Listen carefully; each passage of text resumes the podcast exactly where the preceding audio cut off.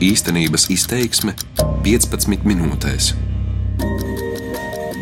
Pēc ilgām un nemaz netik vieglām diskusijām, kas ilga vairāk nekā pusgadu, vakar valdība beidzot nolēma atvieglot augsti kvalificētu speciālistu piesaisti no ārvalstīm uz nedaudz atvieglotiem nosacījumiem. Speciālistu piesaistes barjeras joprojām būs visai augstas. Vienīgais reālais atvieglojums - sarakstā minēto speciālistus varēs piesaistīt ātrāk, un arī minimālā maksājumā alga viņiem varēs būt nedaudz mazāka par iepriekš noteikumos prasīto. Taču pagaidām valdība nekādus papildu atvieglojumus, kas citu valstu gudrajām galvām par savu jauno mītnes un darba vietu liktu izvēlēties tieši Latviju, nesola. Pat labāk vakar valdībā apstiprinātajā sarakstā ir iekļauti 237 profesiju pārstāvji. Taču jau tagad var prognozēt, ka šobrīd saruna par sarakstu papildināšanu, turklāt ne tikai ar augstu līmeņa speciālistiem, tikai sākas. Kāpēc tomēr Latvijai agrāk vai vēlāk būs nopietni jādomā par pavisam jaunu, cita līmeņa stratēģiju nodarbinātības un imigrācijas jomā, Es, Latvijas radio ziņu dienas žurnāliste Aiga Pelane, sarunājos ar ekonomistu, asociēto profesoru Arni Sauku. Jūs esat pētījis gan ēnu ekonomiku Latvijā, kur viena no problēmām ir arī nelegālā nodarbinātība, gan arī ārvalstu investoru viedokli par Latvijas uzņēmējdarbības vidi, kur investori arī vērš uzmanību uz demogrāfiskās situācijas pasliktināšanos un to, ka ir problēmas ar darbinieku atrašanu. Jūsuprāt, vai Latvija spēs izvairīties no masveida imigrācijas, tā skaitā tieši no lētā darba spēka piesaistes? Kā jūs jau labi raksturojāt, darba spēka problēma Latvijā pastāv.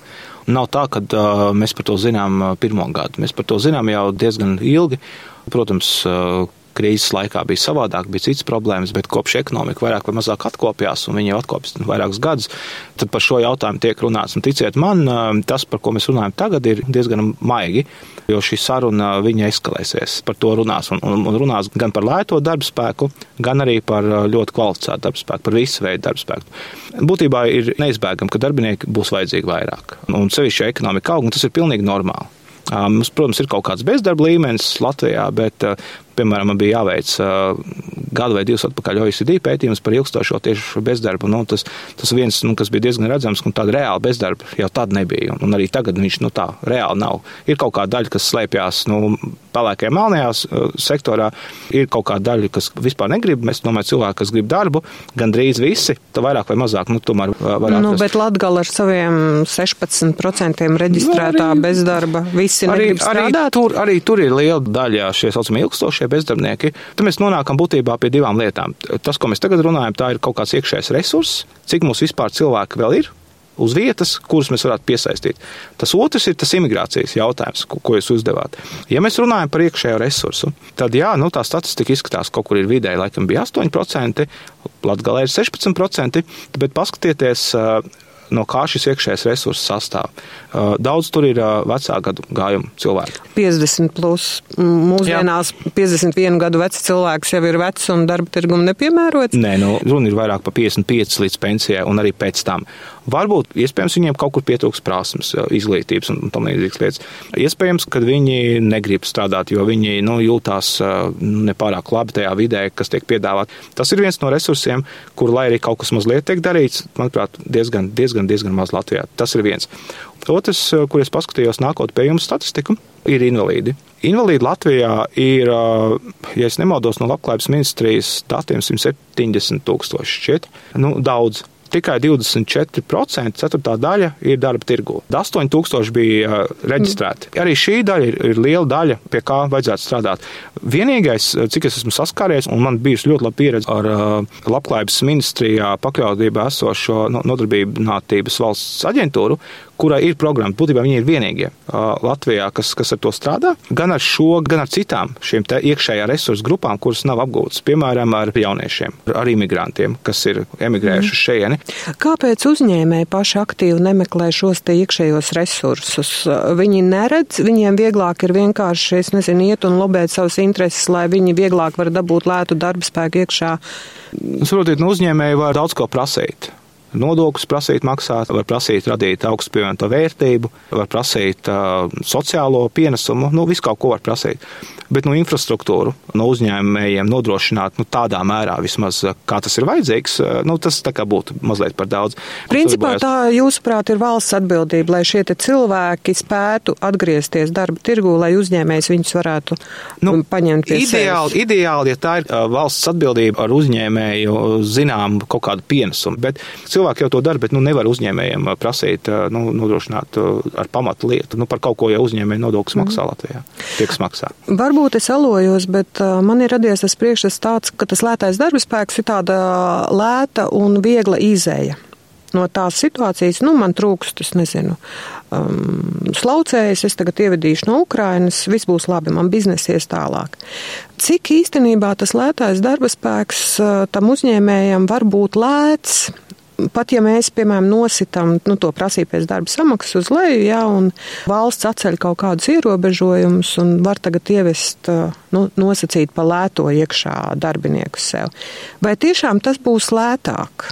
Nu, protams, lēti beig beigās jau nekas nav. Ja, ir, ja kaut kas ir sākumā lēts, tad tas nav ilgstoši. Bet, ja mēs tagad runājam par to otru daļu, jā, par to ieviešanu, tad tur, protams, tur jāizdara divas daļas. Viena daļa ir uh, šis uh, nosacīti maz kvalificēts darbspēks. Ja tagad ēnu ekonomikas pētījumā mēs skatāmies uz, uz trīs komponentiem, viena ir aploksņa algas, otra ir neuzrādītā peļņa, un trešā ir, ir neģistrētais darbspēks. Tad, ja tagad šis nereģistrētais darbspēks ir, ir salīdzinoši maza proporcija, viņi ir, bet pēc būtības kā par galveno problēmu par to nerunājam. Mēs parasti runājam par aploksņu algām, nu tad mēs runājam varbūt arī par kaut kādu PVN schēmām un, un tam līdzīgām lietām, kas ir saistīti ar ienākumu neuzrādīšanu. Bet darbinieku problēma Un līdz ar to nu, nereģistrētā darbinieka problēma viņa izskatās, ka viņa augs, ja viņa kaut kādā veidā nerisinās. Un te ir jautājums, tad, ko darīt. Kas saistās, Proti, viņa augs, ja, piemēram, valdība nepieņem nekādus atvieglojumus un neļauj ievest mazkvalificētu darbinieku, viņi tāpatās šeit būs? Nu, uzņēmējiem viņus vajadzēs. Vai nu viņi ies projām, bet ne viss var aiziet, ne viss grib aiziet pat tāda racionālā izvēles teorija, ja, kad jūs skaties, nu, kas man par to būs un ko es no tā iegūšu, ja es kaut ko darīšu. Nu, uzņēmumi ir ļoti racionāli. Vienai daļai jau tagad, un ilgtermiņā tas neizskatās, ka tas mazināsies, ir jādabūt tie cilvēki, nu, vienalga no kurienes. Un, gan, nu, varētu teikt, gan vispār jebkādu cenu. Un tur neko nevar darīt. Būvniecībā jums ir liels pasūtījums, jūs no viņa nevarēsiet atteikties, jums viņš būs jāņem. Vai kaut kādā citā nozarē, ne tikai būvniecība. Nezinu, loģistikā, nu, jebkur pakalpojumu sniegšanā. Mūsu valsts ir gatava, piemēram, kontrolēt šo nelegālo darba spēku cilvēku, kas ir ievests, kur viņš vispār paliek, kur viņš dzīvo šobrīd? Manuprāt, būtu labāk zināt tiešām, cik tie cilvēki šeit ir, kas viņi ir, un kur viņi ir, uz kādiem nosacījumiem viņi šeit ir, lai varētu regulēt. Es negribu, protams, konspirācijas teorijas šeit bīdīt, bet līdzīgi kā mums bērnībā stāstīja, ka labi, ka Rīgā neuztaisīja metro, jo pretējā gadījumā Latvijā būtu tik un tik procentu mazāk latviešu, kas droši vien, ka tā arī būtu. Tas pats var notikt ar e-Baltika projektu vai, vai, vai tam līdzīgām lietām. Viņi nav mazāk apjoma projekti un ne mazāk apjomā, kā toreiz pietrūks darbspēks. Tāpēc, ja problēma viņi ir un, un ar iekšējo resursu nepietiek, tad, manuprāt, labāk ir nepievērt acis par to, kas notiek bet mēģināt to maksimāli kontrolēt, lai viņus ievadītu un izvadītu laicīgi eh, no valsts. Tad, vai viņus ir vajadzīgi. viegli izvadīt no valsts? Nu, vieglāk viņus izvadīt no valsts, ja zina, kur viņi ir un kas viņi ir. Tā otra lieta ir, vai mēs tiešām tik viegli un tik lēti viņus varam dabūt, atgriežoties pie jūsu jautājuma. Jo it kā jau liekas labi, uzņēmējs sēž, izdomā, ka ej, valdība man tad nenāk pretī, man nav regulējuma, ņem tur cilvēkus no Ukrainas, Baltkrievijas, no, no kurienes vēl. Uh, Polija, cīnās par to pašu Ukrainu, Baltkrieviju un visas valsts apkārt, Igaunija, Lietuva. Nav jau viņas tik viegli vairs dabūt. Nav tā, ka tas ir bezlimita atvērtais tirgus, kur tad, kad nu, tev vajag, tu vari pasmelties pie tam par ļoti lēto. Un te, nu, protams, sākās runa par to, cik tu maksās. Jā, jau par maniem konkurē. Un, ja es to pat nezinu savā tajā valstī dzīvojot, bet es atbraucu šeit un redzu, nu, es taču ātri redzu. Jo pie tam, ja es krieviski runāju, es taču, es taču ar visiem komunicēju, es jau neesmu nekāds izolētājs šeit. Jā, man var nopirkt uz šejienu par, nezinu, 400 eiro. Bet, ja kāds domā, ka tas būs uz ilgstošu laiku, tad, protams, tas tā nebūs. Jo cilvēks ātri taču redz, un līdz ar to tas it kā lētais, viņš jau paliek tajā pašā līmenī. Un beig, beigās laituma ziņā nu, tur nevar iegūt. Cita lieta ir ar kvalificēto darbu spēku. Nu, mēs varam runāt gan par IT, par ko visi runā. Mēs varam runāt par augstskolu profesoriem, mēs varam runāt par augstu līmeņa kultūras darbiniekiem, mēs varam runāt par augstu līmeņa vadītājiem. Nu, vienalga. Tā nu ir tā lieta, kur ar, ar ļoti dažādām metodēm, tā skaitā nodokļu atlaidēm un dažādiem citiem stimuliem, turpat nezinu, mājas dzīvošanas programmām un, un ģimeņu integrēšanu, vēl tikai ko par to nostīto elitu, par prātu, par spējām, par to cīnās visas valsts. Un atšķirībā no šīs kontrolētās, ļoti kontrolētās pieejas salīdzinoši maz kvalificētu darbiniekam, ka ir runa par kvalificētu darbinieku, tur, manuprāt, ir jātaisa visas lūžas vaļā un tieši jāveicina, lai šie cilvēki nāktu nu, nu, nevienam neskādēs Latvijā, un arī tai pievienotai vērtībai, kad, kad šeit būs kāds, nezinu, angliski, vāciski, franciski runājošs, arī krieviski runājošs cilvēks, kas būs ar pienesumu nu, valstī. Bet vai jūs redzat, ka tajā mūsu ekonomikā ir šāds pieprasījums lielā apmērā pēc šāda augsta līmeņa speciālistiem? Skatoties arī to pašu statistiku, nu kādas ir tās brīvās darba vietas, tur parādās tirzniecība, būvniecība, um, transports. Nu jā, nu te ir olas un vistas vai cāļā jautājums, kas tad nāk pirmais, jā, un ko kuram vajag. Atbildi tajā, ko mēs gribam kā valsts. Tos gudros cilvēkus viņus vajag, jo, jo bez viņiem nebūs zinātnes. Un cilvēkiem ir jāapmainās ar idejām. Tādā veidā tiek radītas inovācijas, tādā veidā tiek radītas pielietojamās lietas, kas ir vajadzīgas uh, industrijai, ir vajadzīgi spēcīgi vadītāji. Ja bez tiem spēcīgiem cilvēkiem nu, vienkārši nu, nebūs attīstības ar, ar tiem pašiem resursiem, kas mums ir, mēs neģenerēsim vairāk pievienoto vērtību. Bet tas ir tas, vismaz kas politikas dokumentos tiek uzsvērts. Kāda ir jūsu prognoze? Nu, agrāk vai vēlāk visdrīzāk um, imigrācija pieaugs. Politiski, kad valdība, piemēram, izšķirsies par to, nu, kad pataisim tos vārtus plašāk vai nu, mēģinās noturēt līdz pēdējiem viņus ciet, nu jau, kad, nu es nezinu, sāksies masveida nelegālā nodarbinātība vai kaut kas mm. tāds. Vai pēc vēlēšanām tas būs, pirms vēlēšanām tas ne, nebūs? Nu, nu, kādām tur pirms pēc vēlēšanām? Tas nav diezko nopietns arguments mm. pirms vai pēc vēlēšanām. Un, manuprāt, ja uzņēmēji turpinās par šo jautājumu runāt un mēdīt par, par to turpinās runāt, tad šī valdība arī varētu šo jautājumu, droši vien, ka pēc vēlēšanām, pirms vēlēšanām tur pārāk daudz sensitīvas lietas, tur, protams, ir koalīcijas jautājums, atkal mm. NA faktors, kas ir gan labs, gan, gan netik labs, ka nav, protams, balts vai melns, tur tiešām ir palēks pa vidu.